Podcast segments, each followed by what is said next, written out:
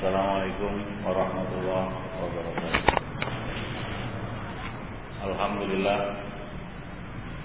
Wassalatu wassalamu ala rasulillah Wa ala alihi wa ashabihi Wa man tabi'ahum bi ihsan ila yaumiddin Amma ba'du fa inna ahsanul kalam kalam Allah Wa khairul hadi hadi Muhammadin sallallahu alaihi wasallam وشر الأمور محدثاتها وكل محدثة بدعة وكل بدعة ضلالة وكل ضلالة في النار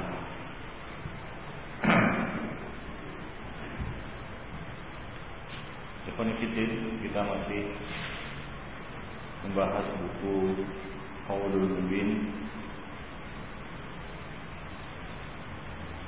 Kesalahan orang-orang yang sholat berkaitan dengan sifat sholat mereka. Poin yang ke-19 adalah tahmil atau tahfiyatul ainain bersalat. Tahmil dan tahfiyah menutup mata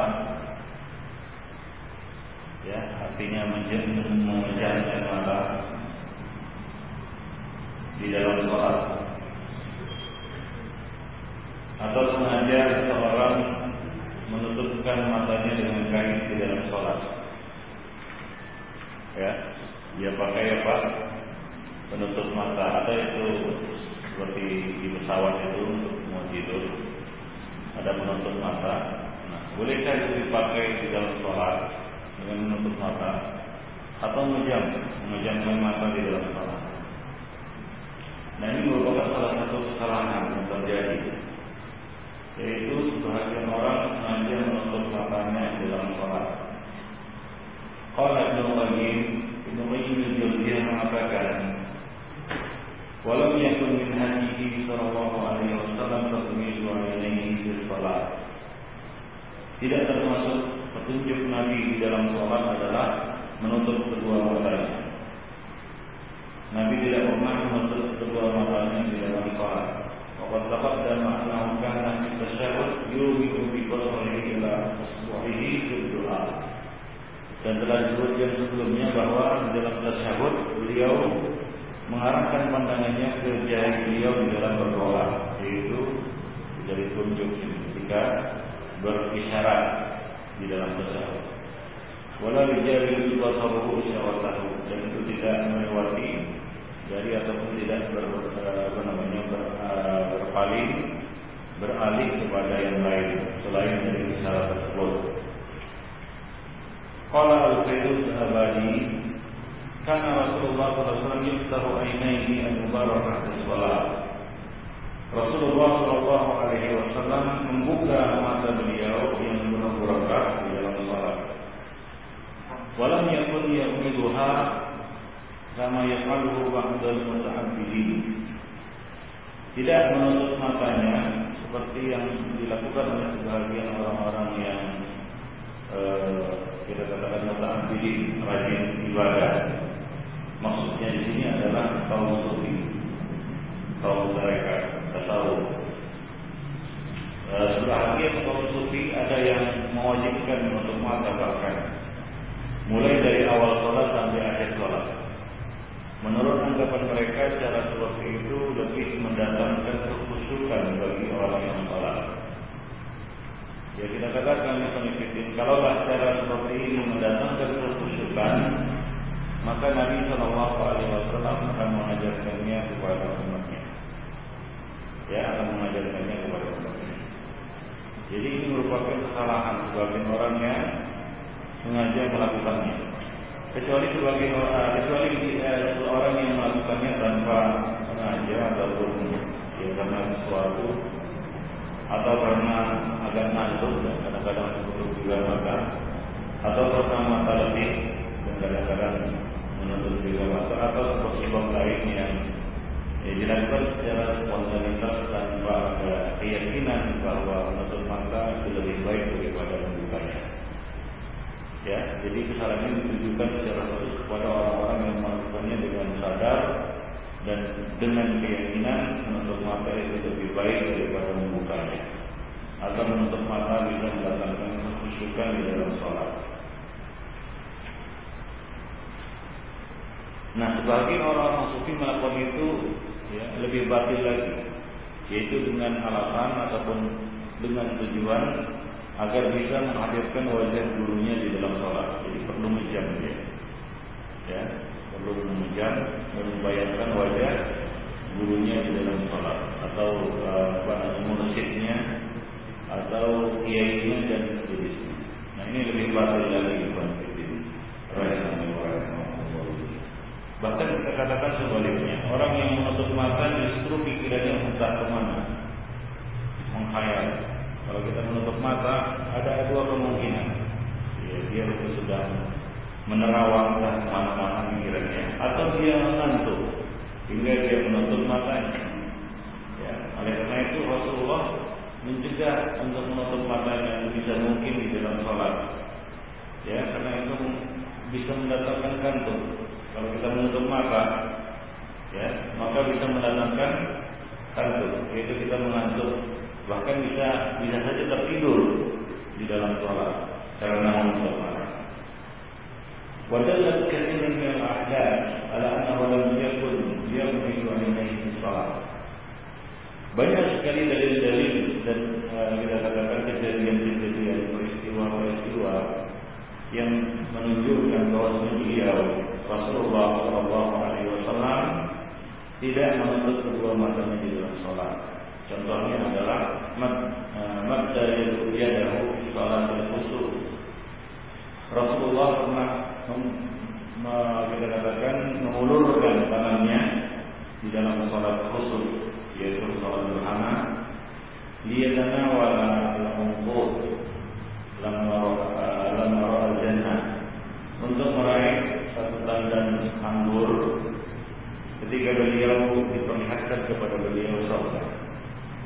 Ya tentunya kalau beliau memejamkan mata ini tidak akan terlihat dan tidak akan tahu apa yang ada di hadapannya ya diperlihatkan surga kepada beliau di dalam sholat dan beliau berusaha meraih satu rumput itu satu tangkai uh, apa namanya uh, anggur yang ada di, di depan beliau yang menunjukkan bahwasanya beliau membuka mata.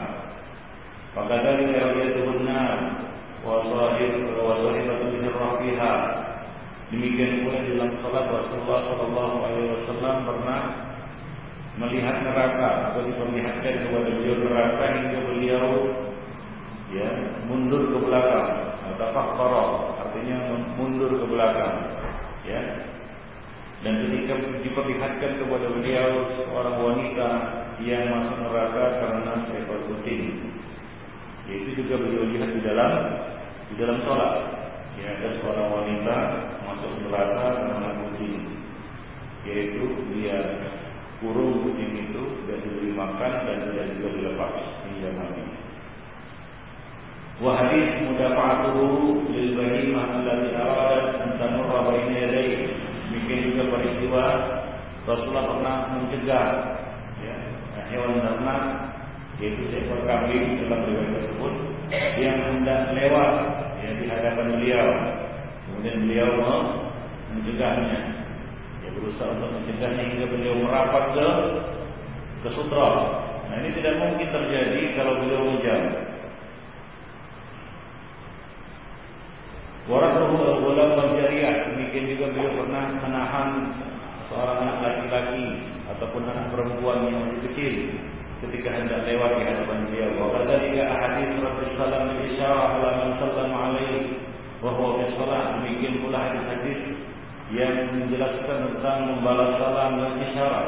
Ya di dalam salat pada orang yang mengucapkan salam kepada beliau ini juga terjadi tidak mungkin terjadi kalau beliau memejamkan mata. Fa innahu kana yushiru ila yara ya beliau mengisyaratkan kepada orang yang melihat kepada beliau. Wa kadzalika hadis ta'arrus syaitan lahu demikian juga hadis atau kisah syaitan yang berusaha untuk mengganggu salat beliau ya, itu beliau melihatnya dan bergelut dengannya di dalam sholat. Faqadahu fasanaqahu. Lalu beliau menangkapnya dan mencekiknya. Nah itu di dalam di dalam salat. Maka dalika bahkan dalika ru'yah, ru'yatul ain dan itu adalah peristiwa yang terjadi ru'yatul ain dengan pandangan mata. Fahadhil ahadits wa ghairuha hadis-hadis ini dan juga hadis-hadis lainnya dapat ditarik satu kesimpulan dari dari keseluruhan hadis-hadis tersebut bahwa Rasulullah SAW tidak menutup mata di dalam salat. Demikian pula yang menunjukkan ada beberapa indikasi lain atau dalil-dalil lain yang menunjukkan bahwa tidak mungkin seorang itu menutup mata di dalam salat. Misalnya apa? Misalnya perintah untuk membunuh binatang yang berbahaya, binatang berbisa, misalnya ular, kalajengking, dan sejenisnya di dalam sholat. Itu boleh dia apa? Dibunuh. Nah bagaimana dia bisa tahu ular itu lewat di dekatnya jika dia mengejar? Ya, ya tiba-tiba saja ular itu mungkin sudah mau menggigitnya, ya, sudah apa namanya, sudah menggigitnya atau sudah membelitnya dan seterusnya. Jadi tidak mungkin itu terjadi ya membunuh ular dan binatang-binatang jenisnya di dalam sholat kecuali orang-orang yang membuka matanya dalam sholat tidak menutup. Waqad ikhtalafa al-fuqaha fi karahatihi. Kemudian berkaitan dengan hukumnya para ulama berbeda pendapat. Apakah ini dilarang, haram, apakah sampai membatalkan sholat atau sebatas makruh? Fakarahu fakarihahu al-Imam Ahmad wa ghairuhu. Imam Ahmad dan yang lainnya Waqalu mereka mengatakan bahwa fi'lul Yahud perbuatan seperti itu adalah perbuatan orang-orang Yahudi. Wa abahu jama'atun walam walam yakrahuhu. Sementara ulama-ulama lainnya membolehkannya dan tidak memakruhkannya. Waqalu mereka mengatakan qad yakun aqrabu ila tahsilil khusyuk alladhi huwa ruhus salat wa syirruha maqsuduha mereka mengatakan boleh jadi menutup mata ini akan merasakan kehusukan. Yang mana kehusukan itu merupakan ruh salat dan tujuan dari ibadah salat. Waswaba yuqal. Pendapat yang benar adalah ingkana taftihal ain la yukhillu bil khusyuk huwa afdal. Jika membuka mata la yukhillu bil khusyuk tidak menghilangkan kekhusyukan maka itulah yang lebih afdal. Wa in kana yahulu bainahu wa bainal khusyuk lima fi qiblatihi min al-nakhrafah wa tadwir wa ghayrihi mimma yushawwis alaihi qalbuhu fa hunalika la yukrah qad'an. Namun jika kondisinya ini kondisional ya, ada sesuatu yang bisa menghilangkan kekhusyukannya kalau dia membuka matanya atau melihat apa yang ada di depannya. Misalnya dia sholat ya di masjid yang lantainya itu ditutup dengan atau di apa namanya dilapis dengan permadani atau ditutup dengan permadani yang mudah ropa artinya bercorak-corak ya seperti pakai sajadah yang bercorak-corak itu. Nah, jadi di dalam kondisi seperti ini ya tidak mengapa dia tidak makruh dia menutup matanya. Haqq aqrabu ila usul syara' wa maqaluhu min al-qawl bil Nah dalam kondisi seperti itu, ya, lebih bagus dia menutup mata daripada membukanya. Ya, pendapat yang mengatakan ya mustahabnya ataupun yang dianjurkannya dia menutup mata dalam kondisi seperti itu lebih dekat kepada usul syarat yaitu kepada kebenaran daripada yang memakruhkan. Yaitu ya kesimpulannya kesimpulan akhirnya adalah ya menutup mata di dalam sholat pada asalnya tidak disyariatkan. Pada asalnya nanti sholat membuka mata. Itulah asal dan inilah yang lebih afdal. Ya, kecuali jika dalam kondisi-kondisi tertentu membuka mata bisa mengganggu kekhusyukannya.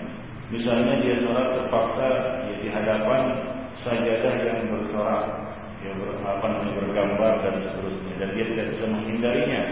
Maka menutup mata dalam kondisi seperti ini ya lebih di, uh, di apa namanya dianjurkan ya daripada membukanya. Wallahu namun tentunya ya dia tidaklah menutup mata dari awal sampai akhir. Artinya dia boleh lebih banyak menutup matanya daripada membukanya. Kemudian yang ke berikutnya Jadi yang kelima dan yang keenam, ya kesalahan sholat berikutnya adalah kasratul harakah wal sholat. Nah ini juga sering terjadi dan kita lihat ya antara orang-orang yang sholat, yaitu apa? Banyak bergerak, ya dan atas bermain-main di dalam sholat, yaitu melakukan gerakan-gerakan yang tidak perlu, yang tidak termasuk bagian dari sholat. Atau tidak dibutuhkan.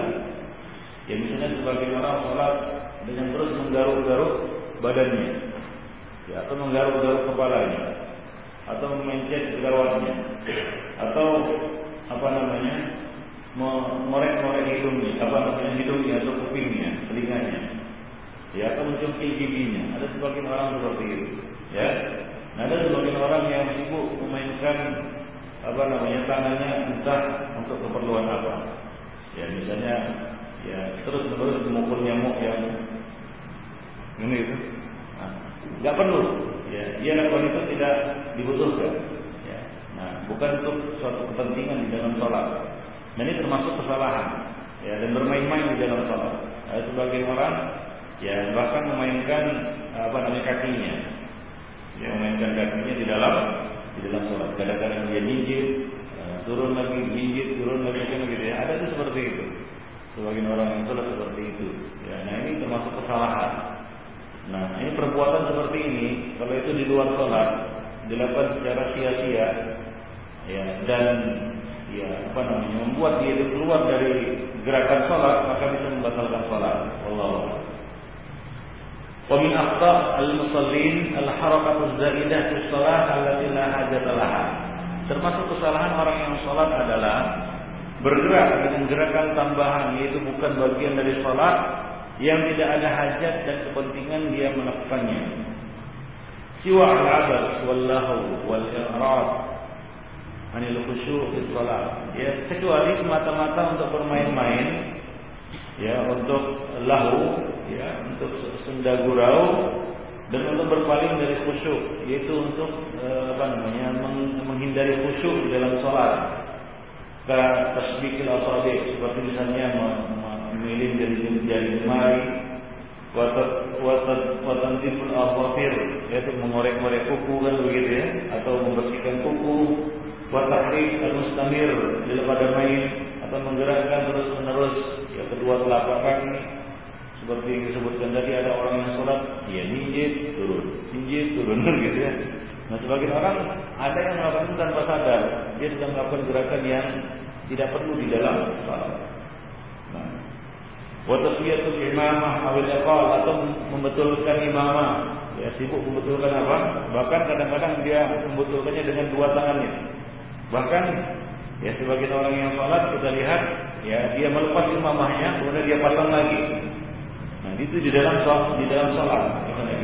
Ini terjadilah gerakan-gerakan yang mengeluarkan dia dari sholat dan ini bisa membatalkan sholat. Atau ya tanpa hajat dia membetulkan kancingnya. Ada sebagian orang main-mainkan apa namanya eh, perhiasan yang ada di bajunya dan seterusnya. Baik, nah ini ini adalah gerakan-gerakan yang tidak perlu.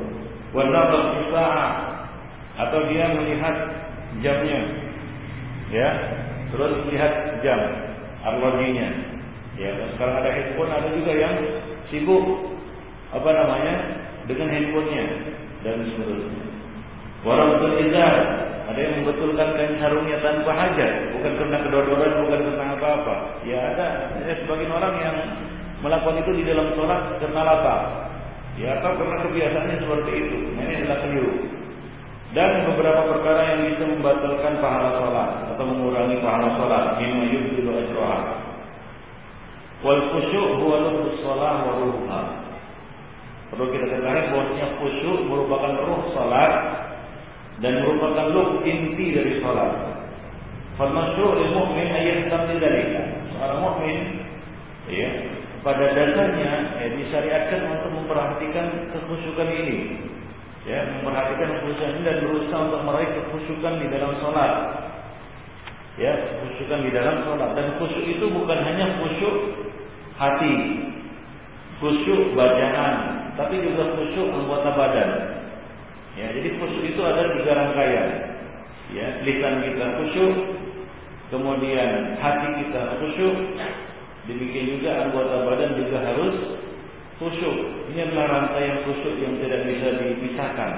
Ada sebagian orang mungkin bermain-main dia di dalam sholatnya, melakukan gerakan-gerakan yang tidak perlu, kemudian dia mengatakan yang penting hatinya, hati saya khusyuk.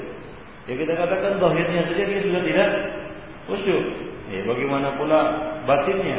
Ya, kita katakan orang yang khusyuk batin ya, zahirnya saja belum tentu khusyuk batinnya apalagi cara zahir lahiriah dia sudah tidak khusyuk bagaimana pula dengan batinnya. Nah demikian itu. Wayahris alaih dan dia harus berupaya untuk mendapatkan khusyukan. Ya, khusyuk di dalam salat. Ya, tapi nggak perlu ikut Abu Sangkan kan. Apa namanya? Ada pelatihan sholat apa? Sholat kusuk, sholat kusuk itu bukan sholat khusyuk, sholat kusuk. Ya, sholat khusyuk nanti akan dijelaskan bagaimana cara meraih kekhusyukan. Ya, salah satu caranya adalah dengan apa? Dengan memahami bacaan, ya, dengan memahami bacaan yang dibaca di dalam sholat dan menyibukkan diri dengan menghayati maknanya. Nah, itu dia. Ya, kunci dari kekhusyukan. Amma tahdid al-harakat al-munafiyah lil-tumaninah wal khusyuk. Adapun ya, eh, gerakan-gerakan yang menafikan tumaninah dan khusyuk ya, sebagian membatasinya ya, tahdid pembatasan Gerakan-gerakan yang bisa membatalkan tumanina dan khusyuk dengan tiga kali gerakan berturut-turut, falaisa dzalika di hadisin dari Nabi sallallahu alaihi. Tidak ada hadisnya dari Nabi. Ada sebagian orang yang ya, bersandar kepada pembatasan ini. Ini ma'ruf ya di kalangan mazhab Syafi'i. Di kalangan mazhab Syafi'i dan sejak kecil kita apa namanya di doktrin seperti itu. Yaitu gerakan yang membatalkan sholat atau membatalkan ibadah sholat kalau dilakukan tiga kali berturut turut-turut ya kan? Itu masih ingat saya juga masih ingat diajari sama guru. Nah kalau sami Allah liman hamidah nggak boleh gini. Kalau tiga kali gini batal sholat katanya. Nah sebagian orang ya ketika me, apa namanya me, mengetahui Bahwasanya pembatasan itu tiga kali gerakan. Mereka melakukan dua kali gerakan kemudian diam. Garuk. Nah, dua kali. Nah, tapi terus menerus. Ya, nah ini ya, sama saja Ibn Fidina dan Allah ya kesimian. Ya itu mengurangi kerusukan, jelas menghilangkan kerusukan. Ini namanya akal-akalan. Ditambah lagi, ya pembatasan tiga kali gerakan itu tidak ada di dalam sunnah, nggak ada hadis yang menjelaskan pembatasan tiga kali gerakan yang bisa menghilangkan tumanina khusyuk bahkan menghilangkan ibadah salat itu. Wa inna dzalika min kalami ba'di ahli ilmi wa laysa alaihi dalilun yu'tamad. Itu hanyalah perkataan sebagian ulama, tidak ada dalil yang bisa dipegang dalam masalah tersebut. Walakin yukra ala abas salat. Namun jelas ya, sudah pasti makruh bermain-main dalam sholat. Seperti menggerak-gerakkan hidung atau jenggot sebagian orang sibuk dengan apa? Jenggotnya kan begitu ya? Wal malabis sibuk dengan pakaiannya. Ya, sebagian orang sibuk dengan ah, apa namanya aksesoris yang dipakainya jamnya dan seterusnya. Ya. Wa wa idza al abas wa tawala apa sholat? Dan jika terlalu banyak dia bermain-main dan berturut-turut ya maka bisa membatalkan salatnya amma in kana qalilan urfan aw kana kathiran walakin lam yatawali.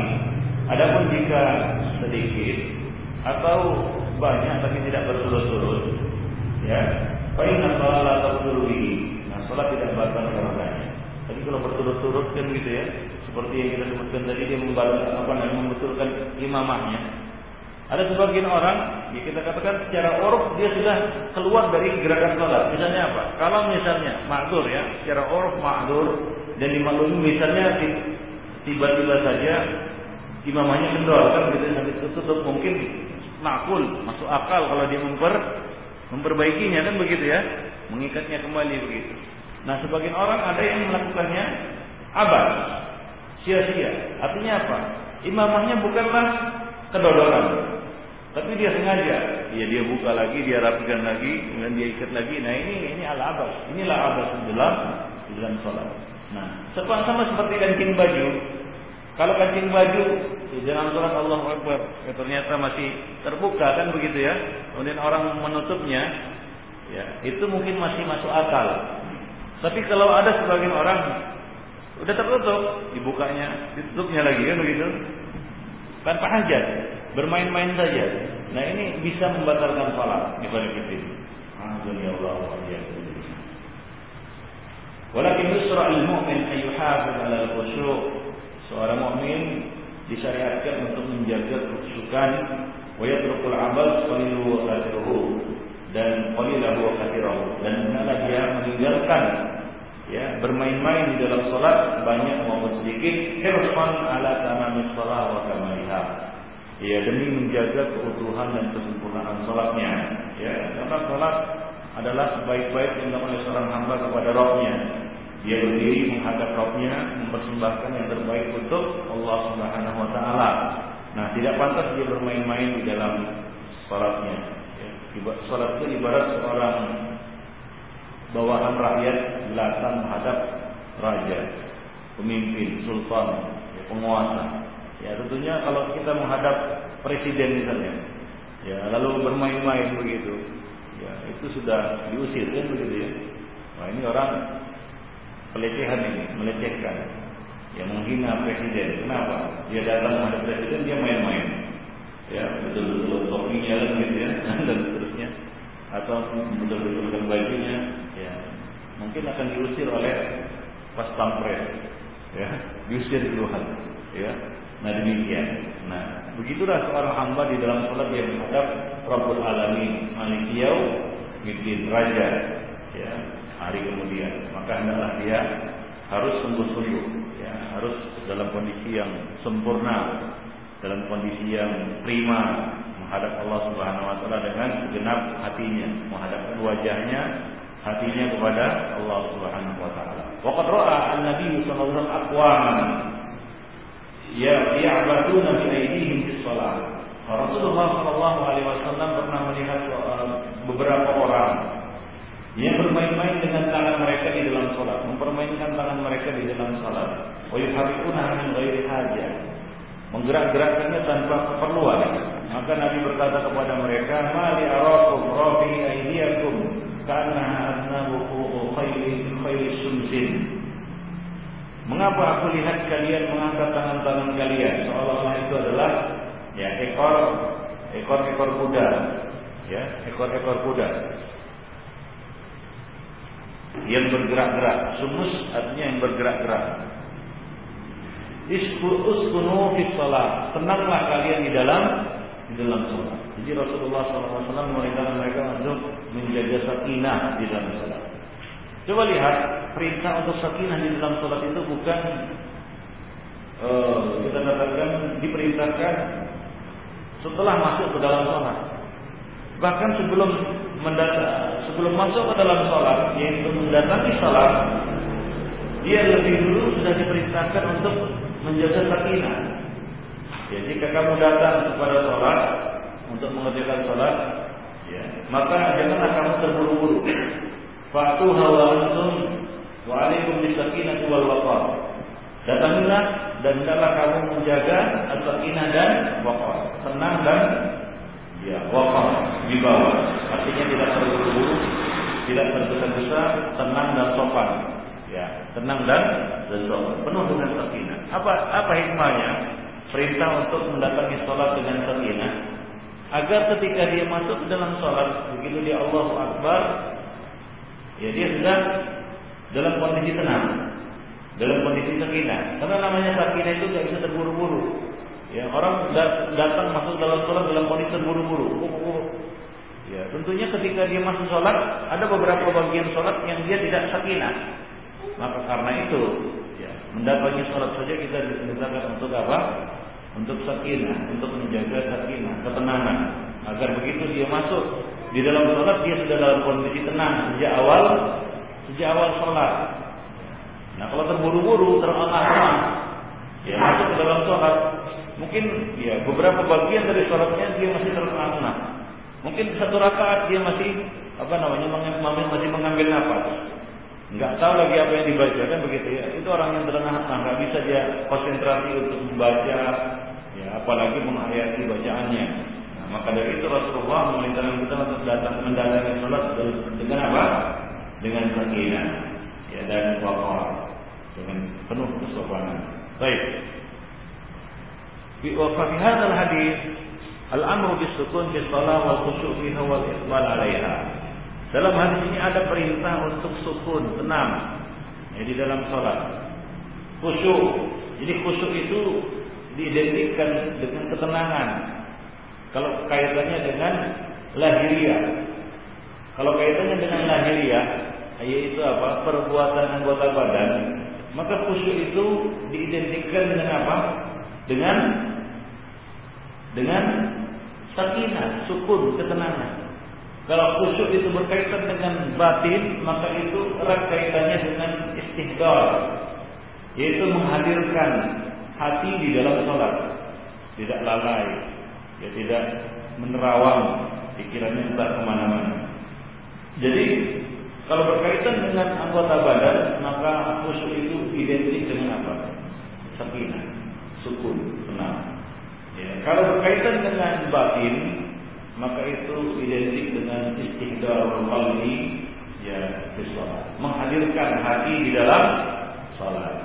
Baik. Wa min al-munasib fi hadzal maqam Perlu juga dijelaskan di sini kata beliau, al-musyir ila wad'il dalika hadis anda adai ala al-sina kita ini dan muslimin. Aku ingin isyaratkan di sini ya, hadis yang banyak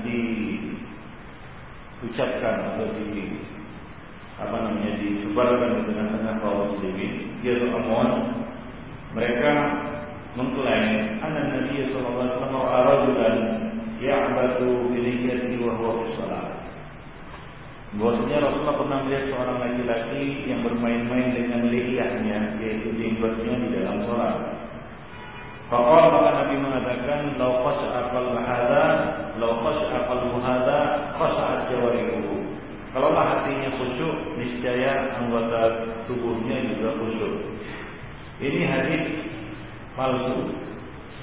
Ya, walaupun ini sering diucapkan, disampaikan oleh sebagian orang. Tapi hadis ini ya adalah hadis yang palsu, maudhu. Ada hadis yang maudhu. Ya, didaifkan oleh para ulama di antaranya Asyuti dalam Jami' Shaghir. Demikian pula pensyarahnya yaitu Al-Munawi yang mengatakan qala Zain al-Iraqi fi Sahih Tirmidzi Zain al-Iraqi di dalam syarah Tirmidzi mengatakan di dalam sanadnya terdapat Sulaiman bin Amr bahwa Abu Dawud an-Nakhai muttafaq ala dhahrihi dia disepakati disepakati kedaifannya. Wa inna ma yuraf hadza min muslim.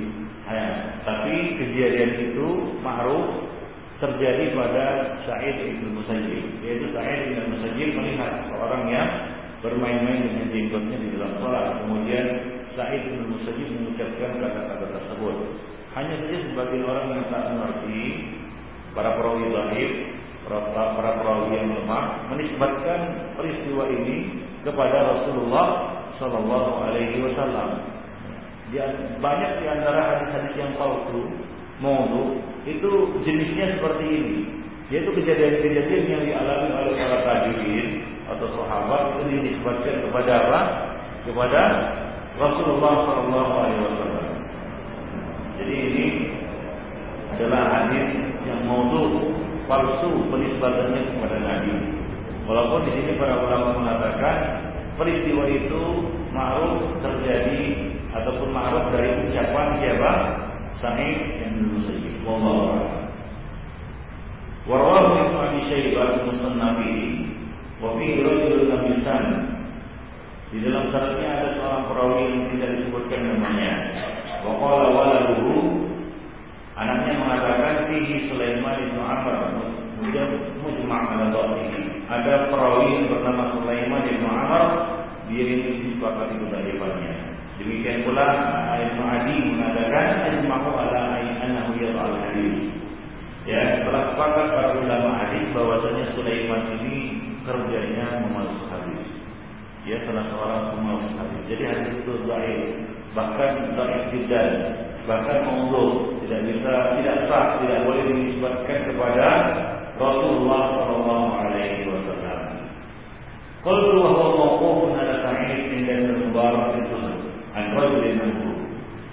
Ya, nah di sini penulis mengatakan eh, peristiwa itu terjadi atas Sa'id yang diriwayatkan oleh Ibnu Mubarak di dalam kitab tersebut. Ya, dari seorang laki-laki darinya. Bal wa hadza sanadun dhaifun li jahalat rajul. Ya. Itu juga dhaif kata beliau karena ada perawi yang menyebut. Jadi hadis ini maudhu secara marfu dan dhaif secara mauquf. Bal secara marfu. Jadi penisbatannya kepada Sa'id bin Musayyib juga doi, ya, juga doi. Wallahu a'lam Itu berkaitan dengan uh, kisah itu ya, kisah yang tadi disampaikan sebagian orang. Wa min aqfa'il musallin fi halat wuquf wuqufihim baina yaday rabbihim subhanahu wa ta'ala. Di antara kesalahan orang-orang yang salat ketika mereka berdiri menghadap Allah Subhanahu wa taala adalah al-ajalah zaidah fi qira'atil Fatihah yaitu terburu-buru, ya, tergopoh-gopoh di dalam membaca surat Al-Fatihah atau di dalam membaca apa? Membaca surat setelah Al-Fatihah. Ya, membaca surat di dalam surat Al-Fatihah. Wa ada iqanihim laha ala sahih dan tidak membacanya tidak dengan cara yang sahih bi isqati ba'dil huruf dengan menghilangkan sebahagian huruf Au bilahnihim taratah atau dengan bacaan yang tidak fasih, bacaan yang keliru, wal khafi taratah ukhra dan kadang-kadang melirihkannya hingga tidak didengar oleh makmum. Ya, nah akan dijelaskan nanti berkaitan dengan masalah ini dalam sholat berjamaah, yaitu dalam kumpulan kesalahan orang-orang yang sholat di dalam sholat berjamaah. Allah. Baik. Dan kemarin sudah kita jelaskan kesalahan orang-orang yang membaca Al-Fatihah yaitu melakukan lahan ya. Lahan itu apa? Lahan adalah e, bacaan yang tidak fasih di dalam membaca Al-Fatihah. Seperti seorang yang membacanya dengan lahjat Indonesia ataupun daerah ya. Nah itu termasuk kesalahan orang-orang yang sholat di dalam berdiri. Baik. Nah kemudian di Malifidin, jumlah min akhtaihim fi ruku' wal qiyam Kumpulan kesalahan-kesalahan orang yang sholat ketika ruku wal qiyam dan bangkit dari ruku. Nah, ini kesalahan ketika ruku. Nah, di dalam ruku juga banyak kesalahan-kesalahan yang terjadi. Ada yang berupa meninggalkan rukun, ada yang meninggalkan kewajiban. Di antaranya adalah yang pertama, ada mutahmil al-tahmil arkan itu tidak melakukan rukun ini dengan sempurna. Ya, seperti seorang yang ruku tidak benar-benar meluruskan punggungnya ya di dalam ruku. Ya, masih apa? Masih setengah ruku. Lalu dia bangkit lagi. Ya, sebagai orang yang bermadhab Hanafi, mereka tidak mensyaratkan ruku sampai lurus tulang punggung ataupun punggungnya. Karena mereka mengatakan ruku itu adalah penghina Ruku itu ada, artinya kata mereka cara bahasa itu merunduk. Jadi kalau sudah merunduk walaupun sedikit, maka itu sudah dikatakan ruku menurut madhab Hanafi. Maka dari itu kalau anda melihat orang-orang jemaah tabligh yang melatahi sholat gaya Hanafi, ya seperti itu. Ya, apa namanya? Cukup merunduk sedikit, kan begitu ya, kemudian naik lagi. Nah ini jelas menyelisih sunnah Rasulullah SAW yang menyuruh kita untuk merasakan punggung ketika apa? Ketika sujud. Apa ketika rukuk. Inda jumhur lil musallin ta'khir al-adhkar al-mashru'ah min intiqal min ruknin ila ruknin ila ghairi mahallihi. Makruh menurut jumhur ulama mengakhirkan zikir-zikir yang disyariatkan fil intiqal ketika berpindah dari rukun ke rukun. Misalnya apa? Bi ayyukabbir. lirukuk ba'da itmami yaitu dia bertakbir untuk rukuk setelah rukuk setelah betul-betul rukuk baru dia takbir nah ini keliru karena masing-masing bagian dari sholat itu ada zikirnya nah ketika intikal maka zikirnya adalah zikir perpindahan yaitu takbir atau tasbih antara rukun ke, ke rukun nah ketika sudah di rukun yaitu ketika dia sudah rukuk, maka bacaannya lain lagi, bukan takbir. Nah, sebagian orang ada yang keliru. Ada yang ya sebelum dia rukuk dia Allahu Akbar, ya baru dia apa? Baru dia rukuk. Nah itu takbirnya waktu dia berdiri.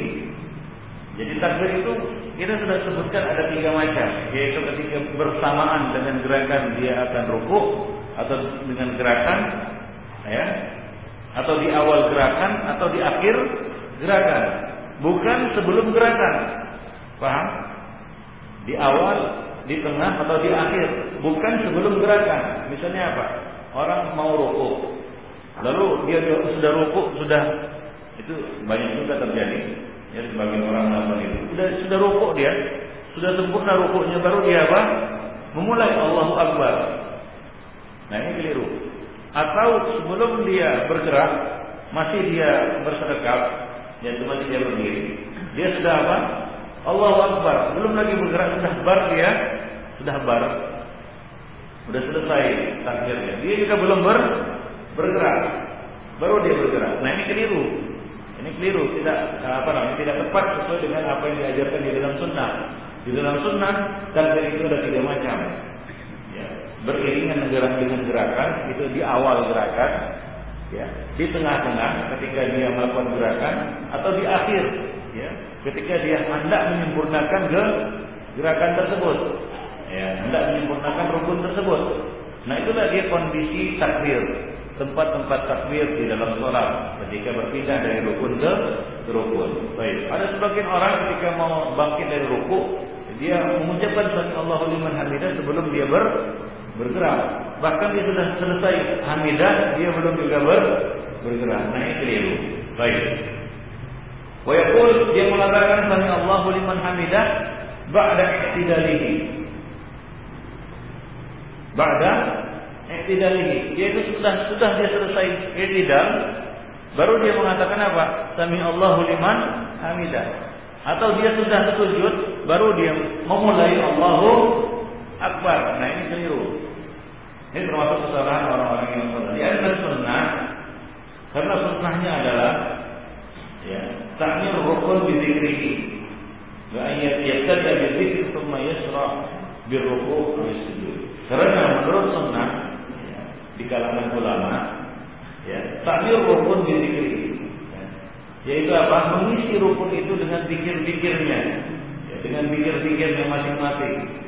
Ya misalnya apa memulai zikir kemudian dia memulai gerakan. Jadi ketika berdiri ada zikirnya. Ketika rokok ada zikirnya. Antara berdiri dan rokok ada zikirnya. Jadi masing-masing tempat ada zikirnya. Jadi tidak boleh kita membaca. Ya misalnya apa? Bacaan belum lagi selesai bacaan Quran kita. Ya, belum lagi selesai bacaan Quran dia sudah apa? Sudah bergerak untuk rokok. Nah ini keliru. Ya bisa jadi dia jatuh kepada larangan membaca Al-Quran di dalam rukuk. Nah ada juga yang seperti itu. Ada sebagian orang ketika bangkit dari sujud dari rakaat pertama ke rakaat yang kedua, belum lagi dia tegak berdiri dia sudah apa? Sudah Bismillahirrahmanirrahim atau sudah Alhamdulillahirobbil alamin. Belum lagi dia tegak. Nah itu belum bacaannya. Nah ada zikir ya, yang yang diucapkan ya antara rukun dengan rukun. Nah ada zikir yang diucapkan pada saat rukun, itu pada saat dia melakukan rukun sholat tersebut. Nah demikian. Jadi harus diperhatikan hari ini. Karena masih banyak juga ya di, di antara para para imam sholat yang melakukan hal seperti ini. Waqalatil malikiyah Inna dzalika khilaful mandub. Cara seperti itu memiliki perkara yang dianjurkan. Qultu aku katakan wahris ahli musalli ala takbiratil intiqal Ya, penulis mengatakan wahai saudaraku orang-orang yang sholat hendaklah kamu tetap menjaga takbir intiqal. Takbir-takbir perpindahan dari rukun ke rukun. Itu diucapkan sebelum rukun. Itu sebelum kita tiba di rukun itu atau menyempurnakan rukun itu. Wa iyyaka an tatahawan fiha au an tad'aha fi ghairi mawdi'iha. Janganlah kamu mengabaikannya atau meletakkannya tidak pada tempatnya. Para ulama-ulama Hanabilah mengatakan innahu mubtilun li shalatin ta'ammalahu. Ya, jika dia sengaja melakukannya ini bisa membatalkan sholatnya. Itu perkataan ulama-ulama Hanabilah, Hambali. Wajib alaihi sujud sahwi in fa'alahu. Jika dia melakukannya tidak sengaja, lupa, maka dia harus sujud sahwi menurut mereka. Dia adalah takhirul arkan berzikir wajib indahu. Karena menurut mereka, ulama-ulama Hambali, ya, mengisi rukun-rukun itu dengan zikir masing-masing adalah wajib. Warwajib, pendapat yang wajib adalah pendapat Hanabilah tadi, yaitu pendapat ulama-ulama Hanabilah. Il ad-duha uh, il ad-duha sunan. Ya, karena takbir-takbir ini termasuk sunnah-sunnah yang diajarkan oleh Rasulullah Shallallahu Alaihi Wasallam. Dan Rasul mengatakan apa? Sallu kama ra'aitumuni usalli, usalli.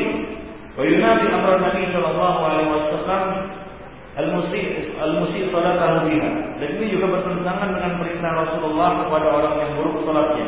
Di mana Rasulullah SAW mengajarkan kepadanya ya tata cara salat mulai dari takbir sampai salam. Nah itu dijelaskan ya masing-masing zikir dan tempat-tempatnya. Ya jadi bacaan subhanallah eh, apa namanya? Subhanallah uh, bacaan ruku bacaan sujud itu tidak boleh dibaca ketika dia bergerak antara ruku dan sujud dan seterusnya. Baik. Fahiyah kita wajib berarti menurut menurut dia hal itu adalah wajib. Ya. Dan didukung lagi dengan keumuman sabda Rasulullah SAW Sallu kama ra'aytumuni usolli. Salatlah kamu seperti Eh, apa namanya kamu melihat aku mengerjakannya kepada Rasulullah. Ya, oh, waqad qarraba al-Imam Syaukani min al-Awtar thumma qatil jawab. Al-Imam ini telah menjelaskan di dalam kitab Nailul Awtar bagaimana juga di dalam Nailul Jarrar bahwasanya annal asl fi jami'il umur al-wajib fi hadis al-musyi salat dan wujud. Bahwasanya semua perkara yang disebutkan oleh Rasulullah di dalam hadis kisah ya perintah Nabi kepada orang yang buruk salatnya itu adalah wajib. Ya, itu kisahnya masyhur yaitu seorang laki-laki yang salat kemudian setelah sholat Rasulullah menyuruhnya untuk mengulangi sholatnya Nabi tiga kali. Kemudian dia mengatakan, ya Rasulullah aku tidak bisa mengerjakan selain itu. Maka Rasulullah mengajarkannya, ya apabila kamu hendak sholat maka berwuduklah, kemudian menghadapkan kiblat, kemudian bertakbir dan seterusnya. Nah para ulama mengatakan semua bagian-bagian yang disebutkan di dalam hadis tersebut wajib. Nah demikian. Itu maksudnya. Fasubhana Rabbi وقد نص الشوكاني نفسه في النيل أن هذه التقديرات مما جاء به مما جاء فيه في بعض الروايات dan Syaukani menjelaskan di dalam Nailul Awtar juga bahwasanya takbir-takbir intiqal ini termasuk yang disebutkan di dalam riwayat-riwayat tersebut.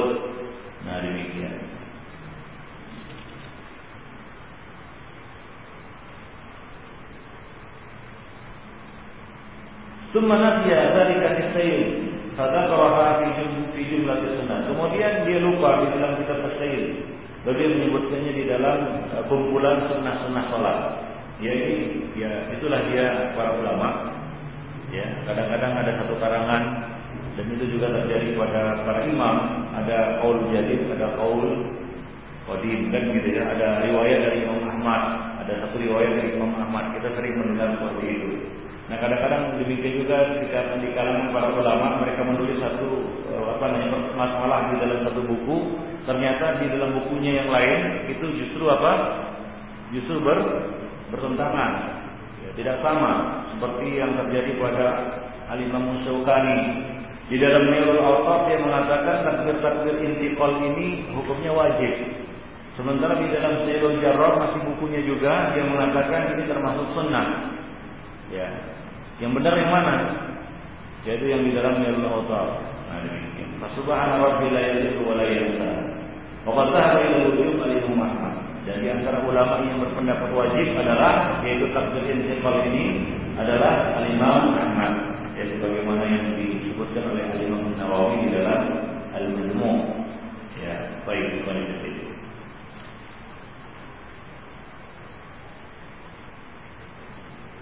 Wahtajja lahu bil umum bil umum sabiq. Beliau berhujjah dengan keumuman yang telah disebutkan dahulu. Lalu beliau eh, apa namanya lupa ataupun tersamar atasnya hadis musik, yaitu terlewat darinya hadis musik salat. Fa innahu qala muhtajjan alaihi liman hadhihi. Ya, wa ala Ahmad hadis musik salatuhu. Dan dalil kami atas Imam Ahmad adalah hadis musik salatuhu, hadis orang yang buruk salatnya. Fa inna Nabi sallallahu alaihi wasallam ya'muru bil takbiratil intiqal. Ini dalil yang digunakan ya, ya sebagai orang ya untuk apa namanya e, me, menegaskan bahwa itu tidak wajib. Sementara di dalam hadis musik sholat di dalam jalur-jalur uh, riwayatnya yang lain disebutkan ada penyebutan takbirul intiqal yaitu takbir takbir perpindahan. Faidan Nabi Sallallahu Alaihi Wasallam lam ya'muruhu bi takbiratil intiqal. Dia mengatakan bahwa Nabi tidak memerintahkan orang yang buruk salatnya itu untuk mengucapkan takbir takbir intiqal. Wa amaru bi takbiratil ihram. Beliau hanya memerintahkannya untuk membaca takbiratul ihram atau mengucapkan takbiratul ihram. Nah, dia tidak tahu atau terluput darinya riwayat Abu Dawud dan yang lain yang menyebutkan di dalamnya adanya takbir intiqal wallahu a'lam. Di antaranya adalah hadis dari Abu Hurairah radhiyallahu anhu yang mengatakan karena Rasulullah sallallahu alaihi wasallam idza qama ila shalat yukabbir hina yaqum. Ini adalah dalil yang paling jelas yang menyebutkan bahwasanya Nabi melakukannya di dalam salat dan ini termasuk dalam rangkaian ataupun dalam kandungan hadis Nabi sallu kama ra'aitumuni usalli. Rasulullah apabila berdiri mengerjakan salat beliau bertakbir. Ini takbir takbir atau ihram. Semua yukabbir hina yarka. Kemudian beliau bertakbir ketika akan hendak rukuk. Semua yaqul sami Allahu liman hamidah. Hina yarfa'u sulbahu min. Semua yaqul wa huwa qa'imun Rabbana wa Rabbana lakal hamd. Walakal dalam lain walakal hamd. Semua yukabbir yarka kemudian beliau bertakbir ketika beliau hendak turun untuk sujud dan seterusnya. Jadi di dalam riwayat ini, riwayat Abu Hurairah ini disebutkan ya secara terperinci bahwa Rasulullah SAW membaca atau mengucapkan takbir takbir intiqal perpindahan dari rukun ke ke rukun. Wallahu a'lam Nah kemudian ini beliau menjelaskan wal hikmah fi syar'iyyah intiqal takbir di antara hikmah pensyariatan takbir ini berulang kali diucapkan di dalam sholat. Ya ada sebagian orang yang mengerjakan sholat dalam keadaan malas, yaitu sholatnya orang-orang munafikin. Mereka sholat ya tanpa takbir intiqal ini. Apa? Ya, terutama ketika mereka mengerjakan sholat-sholat sendirian. Ya, sebagian orang ada yang tidak mengucapkannya, ya, mengabaikannya. Nah ini adalah suatu kekeliruan. Bahkan kalau dia sengaja melakukannya bisa membatalkan sholatnya seperti yang diutarakan oleh Imam Ahmad, yaitu eh, mazhab Hambali atau mazhab ulama-ulama Hambali. Itu bisa membatalkan sholatnya jika dia sengaja dia mengabaikan itu. Allah Baik. Demikian pula ketika meringkas sholat, bukan artinya meringkas sholat itu seorang meninggalkan takbir-takbir intikal ini. Ya, meringkas sholat atau meringankan sholat itu adalah dengan membaca surat-surat yang apa? Surat-surat yang pendek. Atau mencukupkan dengan bacaan surat Al-Fatihah. Atau mencukupkan dengan perkara-perkara yang wajib di dalam salat. Sementara takbir dan intifal ini bukan perkara sunnah. Ini termasuk perkara apa? Wajib. Nah, jadi tidak boleh ditinggalkan. Dan hikmah disyariatkannya takbir-takbir intiqal ini adalah tanbihul musalli ala anna Allah Subhanahu wa taala akbar min kulli kabir. Bahwa Allah Subhanahu wa taala Maha besar dari segala yang besar. Ya, jadi berulang-ulang Allahu akbar, Allahu akbar kan begitu ya.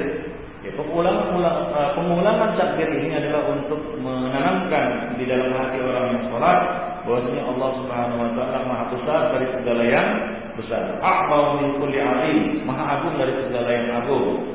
Wala bagi atasyahul an ta'atihi, maka tidak boleh, tidak selayaknya seorang hamba menyibukkan diri dan melalaikan ketaatan kepada Allah Subhanahu wa taala. Bal bagi al-iqbal alaihi bil qalbi wal qalbi Bahkan dia harus menghadapkan ya hatinya dan jiwa raganya al-qalbi yaitu hati al-qalibi jiwa raganya yaitu raganya menghadap kepada Allah Subhanahu wa taala khusyuk dan tumaninah di dalamnya ya dalam um, untuk menunjukkan takdirnya pengagungannya kepada Allah Subhanahu wa taala wa talaban dan dalam rangka mengejar ridha Allah Subhanahu wa taala. Jadi hikmah diulang-ulanginya takbir ini adalah untuk apa namanya memunculkan ya eh, apa namanya kita katakan pengagungan ya rasa pengagungan rasa memahami besar Allah Subhanahu wa taala kerusukan dan penghadiran hati dan seluruh jiwa raga menghadap kepada Allah Subhanahu wa taala di dalam salat jadi se, apa namanya siogianya ini tidak ditinggalkan atau tidak boleh ditinggalkan.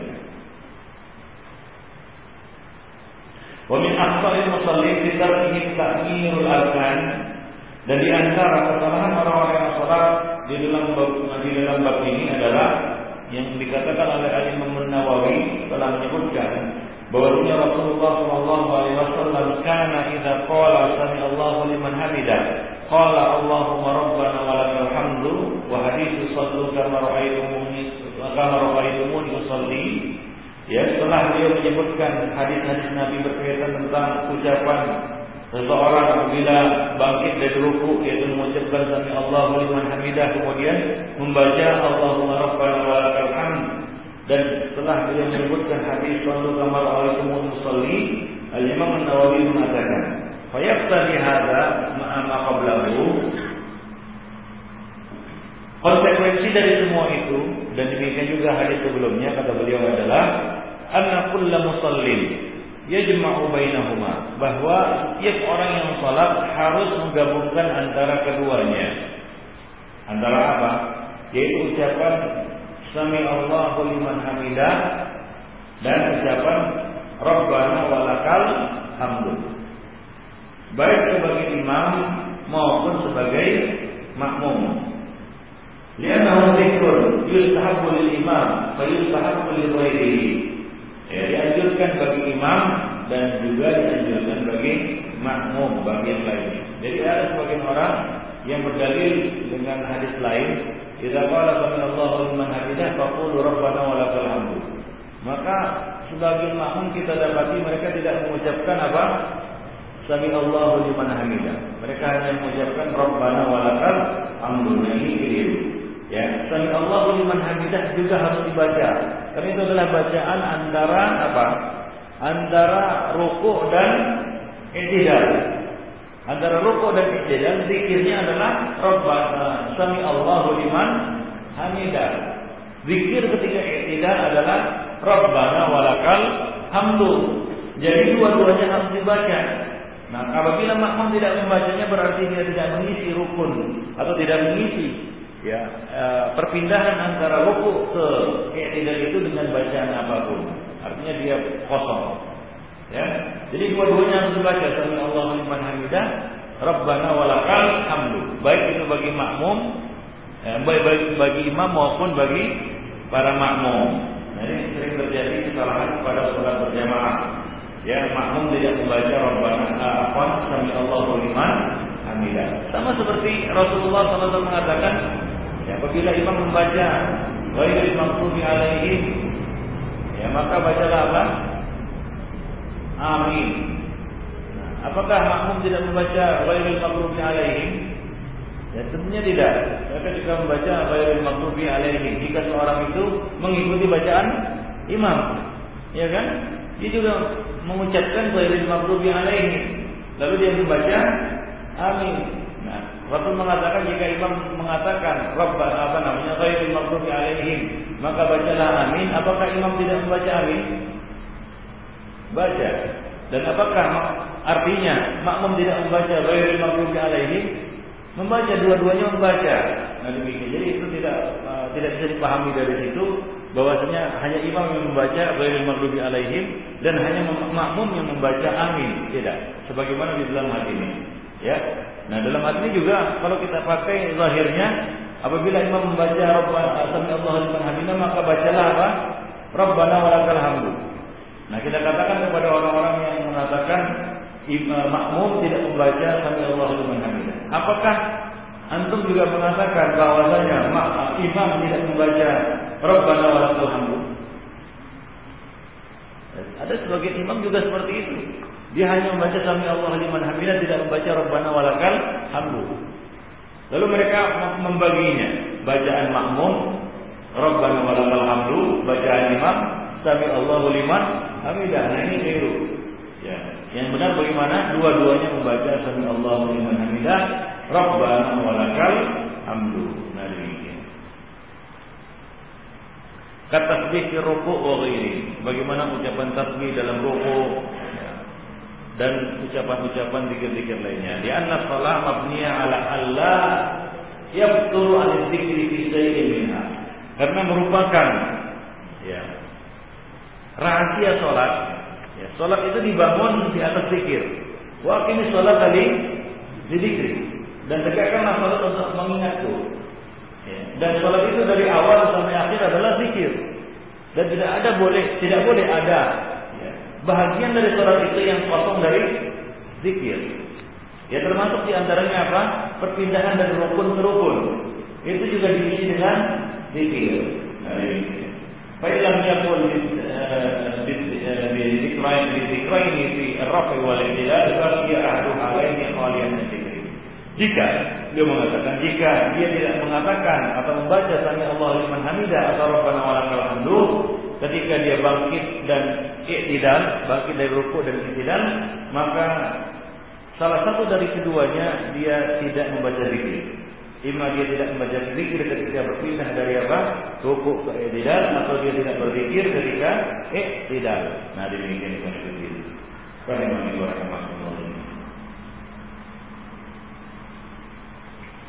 Nah itulah dia. Nah di sini beliau membantah ya. Sebagian orang yang menggunakan dalil sabda Rasulullah SAW wa idza qala sami Allah liman hamidah faqulu rabbana wa lakal hamdu. Wa qala ashabuna famanahu qulu rabbana lakal hamdu ma'a ma'a qad alimtumuhu min qawli sami Allah liman hamidah ya. Rekan-rekan kami mengatakan maknanya adalah kalian ucapkan Rabbana walakal hamdu disertai dengan apa yang sudah kalian ketahui ucapannya yaitu apa? Sami Allahu liman hamidah. Wa inna ma qassa hadha bi dzikri annahum kanu yasma'una jahran nabi bi sami Allahu liman hamidah. Disebutkan hanya Rasulullah hanya menyebutkan ya Rabbana walakal hamdu untuk para makmum karena makmum sudah mengerti. Ya, si imam sudah membaca apa sami Allahu liman hamidah. Fa'inna sunnah ini al-jahar. Karena sunnahnya yaitu mengucapkan sami Allah liman hamidah dengan keras. Sementara mereka tidak mendengar apa? Rabbana walakal hamdu. Maka Rasulullah SAW menjelaskan kepada mereka, ucapkanlah Rabbana walakal hamdu yang itu dibaca oleh imam tapi kamu tidak mendengarnya. Adapun sami Allah liman hamidah semuanya mendengar. Si makmum Ya, ini si imam yang menerapkan bacaan, demikian juga makmum mendengarnya dan mereka bisa mengikutinya, mereka bisa mengucapkannya. Adapun ucapan Rabbana walakal hamdu, mungkin si imam membacanya, si makmum tidak mendengar.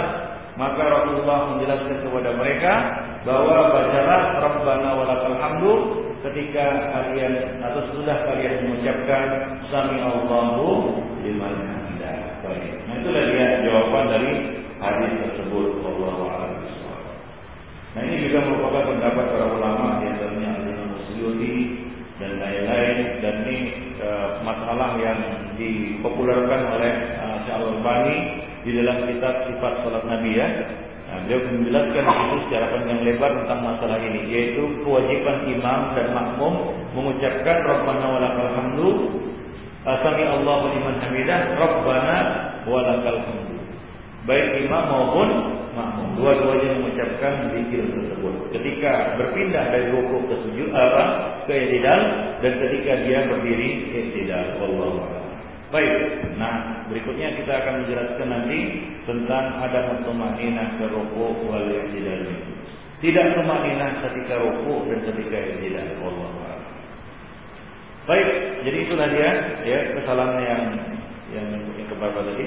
Yang kedua berkaitan dengan kesalahan ketika rukuk dan i'tidal. Baik, bagi yang ingin bertanya silakan. Ya. Karena kita lihat untuk bagi dari novel tiga angkat tangan, tapi dia angkat tangannya ketika lagi duduk baca. Jadi mungkin ketika bangunnya nggak angkat tangan lagi. Ketika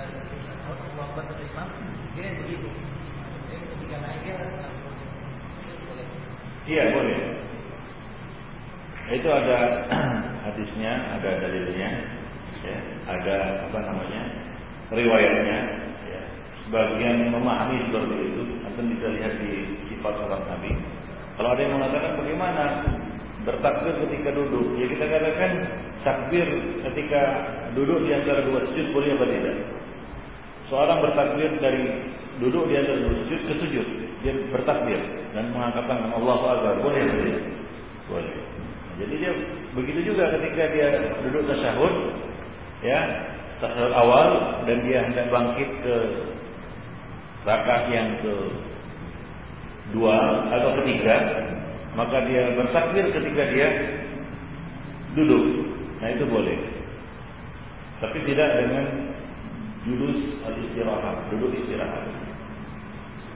Dari satu kedua kalau dia mau bangkit dari rakaat pertama ke rakaat kedua, dia boleh mengangkat tangan. Apakah dia mengangkat tangan? Apakah pada saat duduk istirahat atau dia ketika dia bangkit? Ketika dia bangkit. Tidak boleh dia mengangkat tangan ketika duduk istirahat. Nah, dia. Tapi ketika dia duduk tasyahud dia boleh. Nah, karena itu rukun ya, tasyahud itu rukun seperti duduk di antara dua sujud. Adapun duduk istirahat ini uh, termasuk sunnah salat. Ya, tidak wajib. Baik. Allah. Ya. Mana yang lebih banyak dibawa Nabi Sallallahu Alaihi Wasallam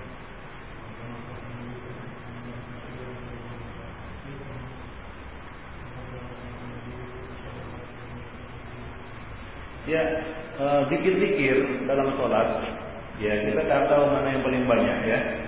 Nabi membacanya kadang membaca itu, kadang membaca ini. Yang terbaik adalah membaca seluruh zikir-zikir itu, menghafal seluruh zikir-zikir itu dan mengamalkannya secara variatif, yaitu azan. Ya, hari ini kita mengamalkan doa ini agar semua bisa terpelihara, semua bisa apa terjaga, semua bisa kita amalkan. Karena masing-masing doa ada keutamaannya. Rasulullah SAW mengajarkan kepada kita banyak doa ketika ruku, sujud, ataupun doa-doa lainnya di dalam sholat. Nah itu sunnahnya adalah kita membaca apa yang diajarkan oleh Nabi. Kalau bisa kita menghafal semuanya dan membacanya secara berganti-ganti. Nah, Allah.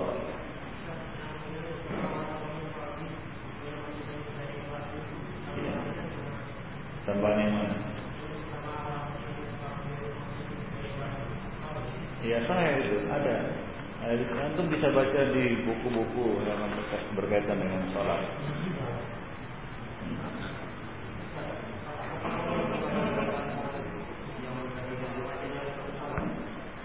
Dalam satu sholat boleh, boleh, nah, nggak terlarang. Ya. Hah?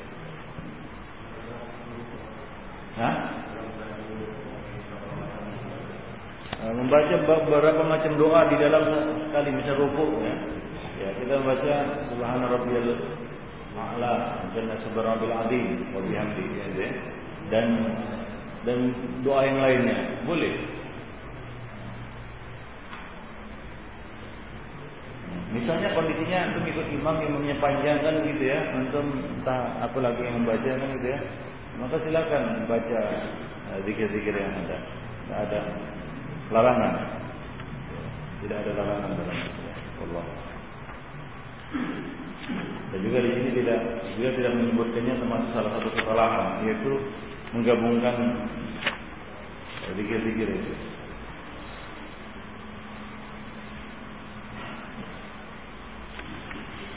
Baik. Ada lagi? Ya. Nah.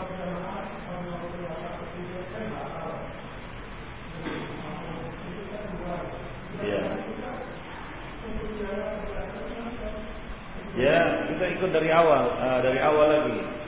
Ya, kita kita sholat dari awal. Berarti kita masuk misalnya rakaat keempat, ya. Ya kita hitung satu rakaat. Nah, kita terhitung satu rakaat. Nah, ketika sholat itu batal maka batallah dia. Nggak bisa dilanjutkan sholat yang lalu dengan sholat yang baru. Nah.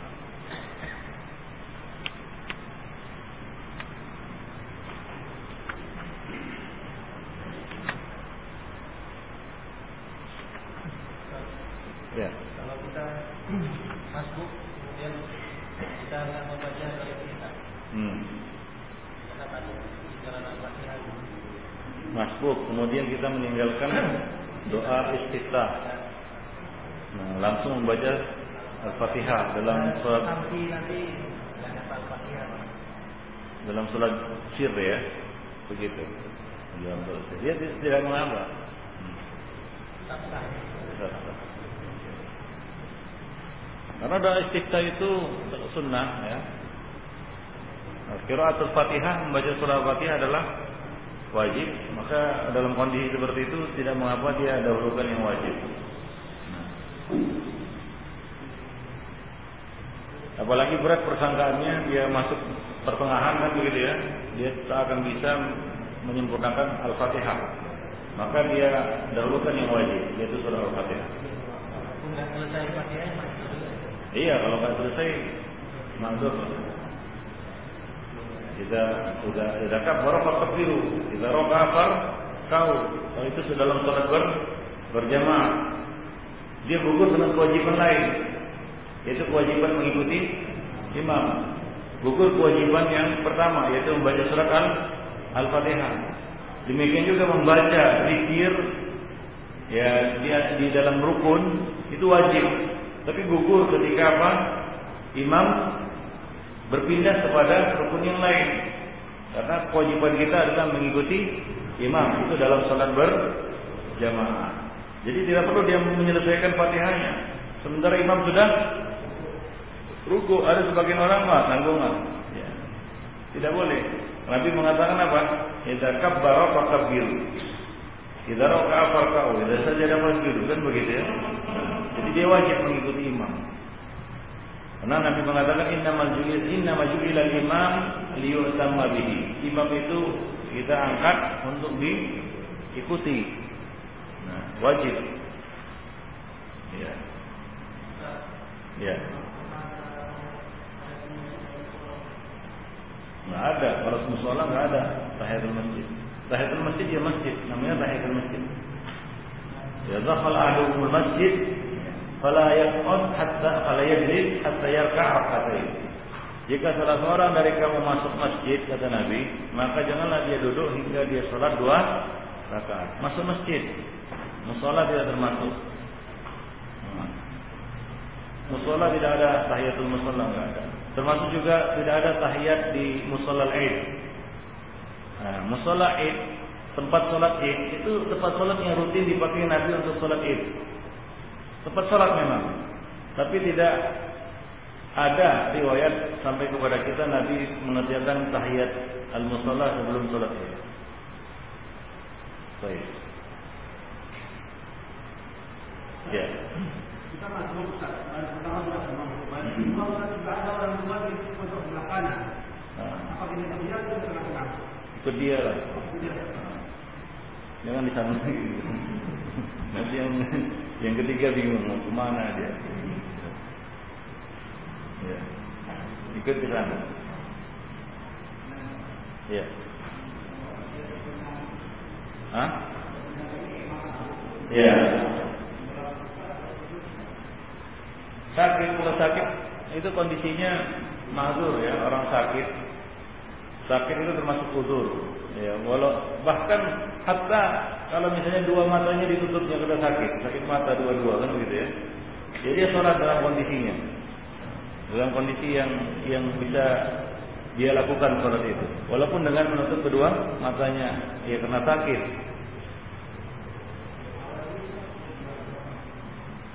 Ya, Iya kalau sakit, kalau itu penyakit, ya, misalnya dia alergi baru makan udang kan gitu ya, tiba-tiba komat, ya, maka sholatlah dia sambil garu-garu kan gitu. Kalau nggak digaruknya tambah parah. ya itu sakit, jadi sakit sama seperti orang yang kena sakit salisul baul yaitu menetes terus air seninya.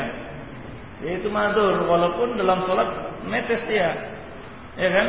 Tapi bagi orang yang berpenyakit, ya kalau diturutinya itu nggak salah sholat dia. Nah, ada yang penyakit seperti itu, BCR dan seterusnya, itu apa namanya? Longgar. Gitu. Terus keluar, ada yang seperti itu, ada yang mazah, mazah tahu, yaitu sering mengeluarkan madi, madinya sering keluar, madi tahu ya, bukan mani, madi, lendir dari kemaluannya. Refleksanya keluar lendir. Kadang-kadang ya, dia tahu ya sebelum sholat dia kan nggak ada lendir. Habis sholat kena gerakan-gerakan gerakan-gerakan keluar lendirnya. Ada sebagian orang hiper gitu. Ya, banyak keluar lendir seperti itu. Ali bin Abi Thalib termasuk yang terkena itu ya. Dia maka Rasul mengatakan beruduk kamu cuci apa namanya kemaluanmu kemudian beruduk adapun di sela-sela itu ya itu tidak la yukallifullahu nafsan illa Aha. Kalau kita ikuti itu kita nggak akan sholat atau susah kita melakukan sholat, tersiksa kita. Ya. Nah demikian. Jadi kondisi sakit itu mahdur. Ya. Ya.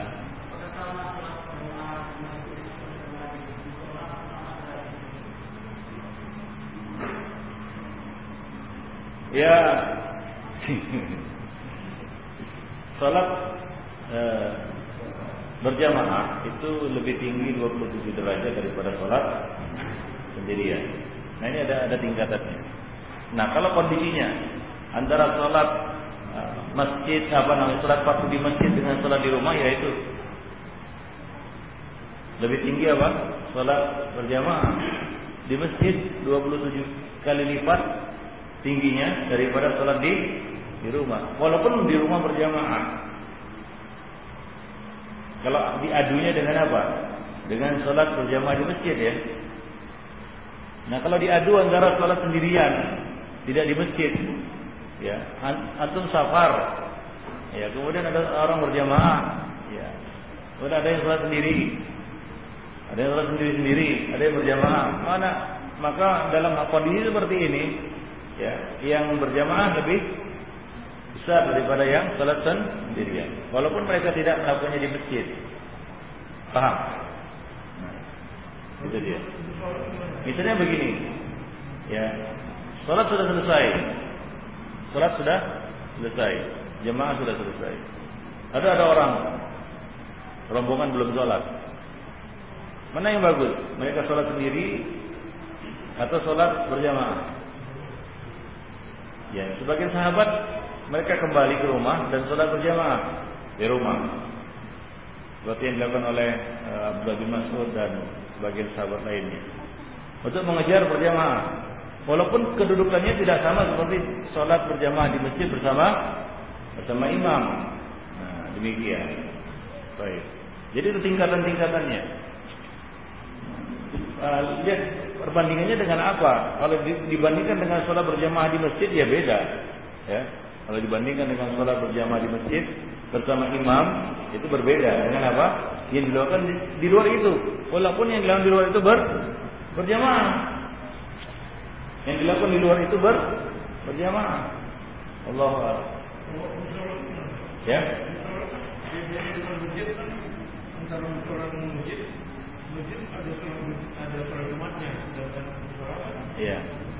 Kalau sholat. Sekarang musola itu ilegal atau legal? Artinya apa tujuan musola itu? Apa karena memang masih jauh? Maka itu kedudukan musola itu sama seperti masjid. Hanya saja statusnya musola.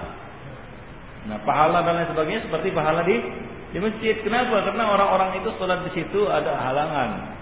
Misalnya masjidnya jauh kan begitu seperti yang terjadi pada apa namanya salah seorang sahabat ya eh, yang tidak bisa datang ke masjid. Kenapa? Karena dia pandangan matanya sudah lemah, kemudian kadang-kadang banjir, ya becek dan ini dia dia nggak bisa datang ke masjid tersebut. Maka dia minta izin Nabi membuat musola di rumahnya. Nah ini musola legal.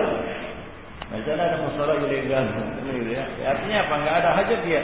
Di sini masjid dia buat musola di sampingnya, ya nggak ada, nggak ada hajat di situ kan begitu ya. Nah, baik.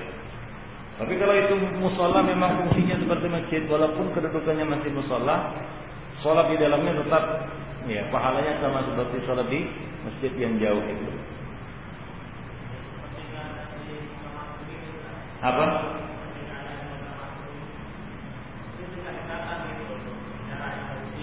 Ya masjid, di masjid. di sholat tapi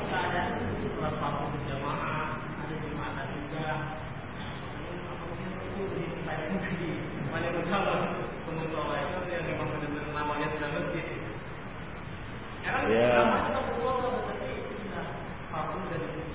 Ya sebenarnya nama itu nggak jadi ukuran sebenarnya ya. fungsinya. Para ulama menjelaskan fungsi masjid itu ditegakkannya sholat Jumat dan jamaah di dalamnya. Ya itu udah masjid ya. Nah terserah orang bilang surau, langgar, sholat, apa kan gitu. ya. Ya Fungsinya, ah.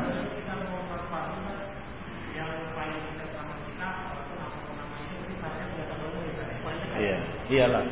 Ya, ya waktu belajar ataupun waktu kita membahas eh, kalau nggak salah apa namanya buku Mausu'ah Manai Syariah bahwa diutamakan masjid yang paling tua ya, yang ada yang paling banyak jemaahnya ya yang paling bagus kualitasnya kan begitu ya.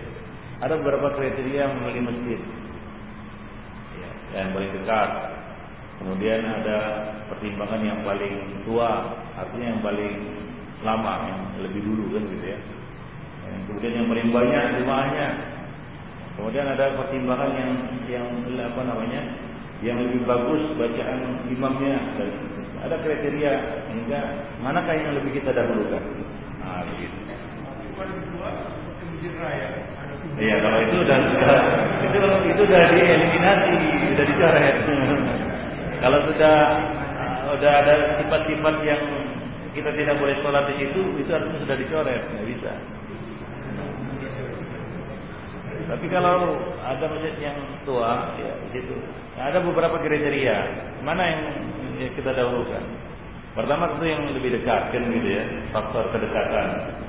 Kemudian faktor banyaknya jemaah atau apa? Yang kedua faktor tua, apa namanya lebih tuanya masjid itu. Kemudian faktor eh, banyaknya jemaah, banyaknya jemaah. Kemudian faktor apa namanya bagusnya qari yang membaca. Syekh Albani biasanya sholat subuh di masjidnya agak jauh. Kenapa? Karena di situ apa namanya sunnah sholatnya dan bagus bacaannya. Jadi beliau sholat di situ walaupun agak jauh. Eh, kriteria ya sholat di tempat yang paling dekat itu dengan catatan ya apa namanya eh, ke- ketiadaan kita di situ akan menyebabkan masjid kosong. Tapi kalau ketidakhadiran kita di situ tidak menyebabkan masjid kosong, maka tidak mengapa kita memilih yang lainnya. Demikian penjelasan dari Ibnu Hajar al Asqalani berkaitan dengan hadis. Oleh karena itu sebagian ulama ada yang memilih ya di beberapa masjid ya karena dia li- lihat misalnya lebih banyak jemaahnya dan seterusnya. Dengan catatan masjid yang lebih dekat da- darinya itu tidak kosong karena kepergiannya gitu.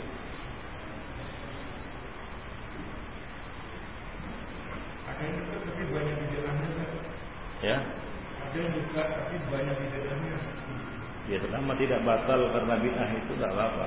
Tapi kalau dengan bid'ah itu sholat tidak sah, contohnya tidak cuma nah, imamnya, ya pergi dan kita tidak bisa apa me menggantinya kan begitu ya. Maka kriteria yang lainnya dicari. Misalnya apa yang yang lebih besar apa lebih tua kan begitu ya atau yang lebih banyak jemaahnya atau yang lebih bagus korinya yang lebih bagus sholatnya imam kan begitu nah kalau bid'ahnya itu atau kesalahannya itu ya menyebabkan batalnya sholat ya maka menyingkir misalnya imamnya ya kafir dengan bid'ahnya kan begitu ya nah, maka menyingkir dari masjid yang lain dia. Apa? Ya misalnya Ahmadiyah Menganut Ahmadiyah Kan begitu kan Apa? LDI enggak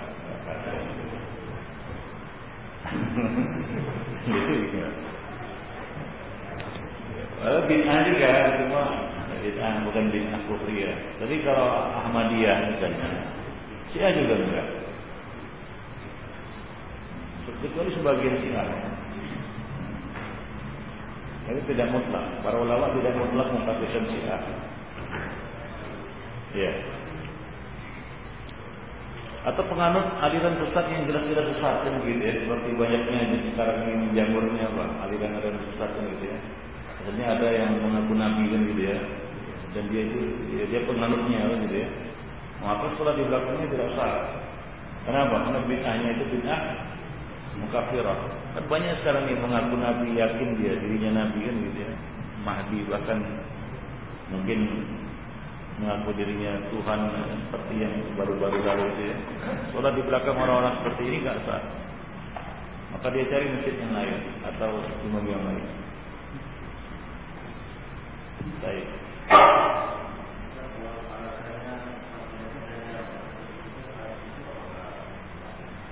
Sofnya Sofnya jarang-jarang. Kemudian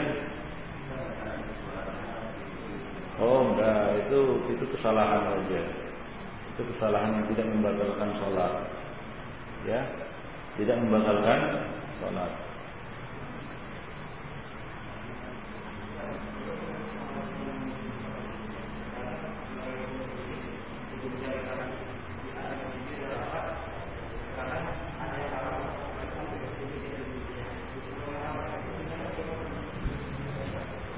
Ya.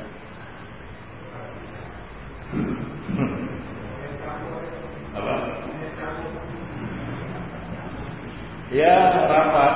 Ya, sebagian ulama mengatakan yaitu ukurannya merapatkan apa namanya? Ya sisi telapak kaki. Ya. Mereka merapatkan. Cuma masalahnya sebagian menjelaskan seperti Ibnu Jaimin bahwa itu tidak wajib sampai sampai akhir sholat. Artinya awal merapatkan saf itu seperti itu ukurannya. Nah kemudian setelah itu ya tidak wajib kata beliau merapatkan sampai akhir ya, sholat Allah alam. Itu penjelasan beliau. Jadi ukurannya di awal itu dengan merapatkan ya seperti yang disebutkan bahu dengan bahu kan begitu ya. Kemudian apa? tumit dengan tumit gitu ya, telapak kaki dengan telapak kaki. Itu ukuran awal. Nah, selanjutnya dalam sholat kan nggak mungkin kan bahu dengan bahu terus apa namanya e, lengket mungkin. Ya kayaknya nggak ada. Makanya beliau mengatakan realita di lapangannya yaitu ukuran di awal. Ketika akan meratakan apa? Oh, nah selanjutnya ya tidak harus, tapi tidak boleh ada celah, itu jelas. Artinya apa? Enggak boleh ada celah. Celah itu maksudnya renggang yang bisa dimasuki oleh setan. Allah. Kayaknya ada nanti di sini ya. Lupa. Ya. Hah? Ya nggak apa-apa. Itu sunnah.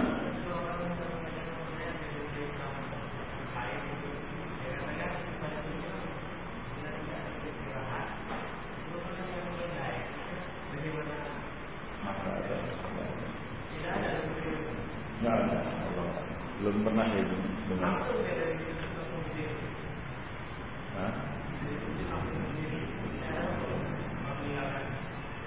ada. Itu sunnah sholat, bukan kewajiban. Sunnah sholat. Tapi dia harus apa? Yang yajin, ya. Ah. Yajin, yajin sholat. Itu ya. Gimana? Nah itu memiliki dia karena tidak yajin sholat. Ya. Jadi sunnah. Nah. Ada penduduk istirahat itu tidak wajib. Allah alam.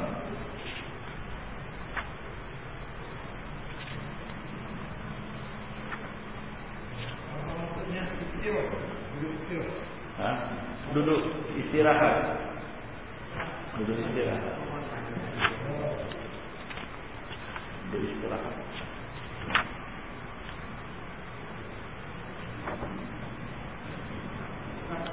Ya. Ya dua-duanya bisa. Ya dua-duanya. Dua-duanya bisa boleh.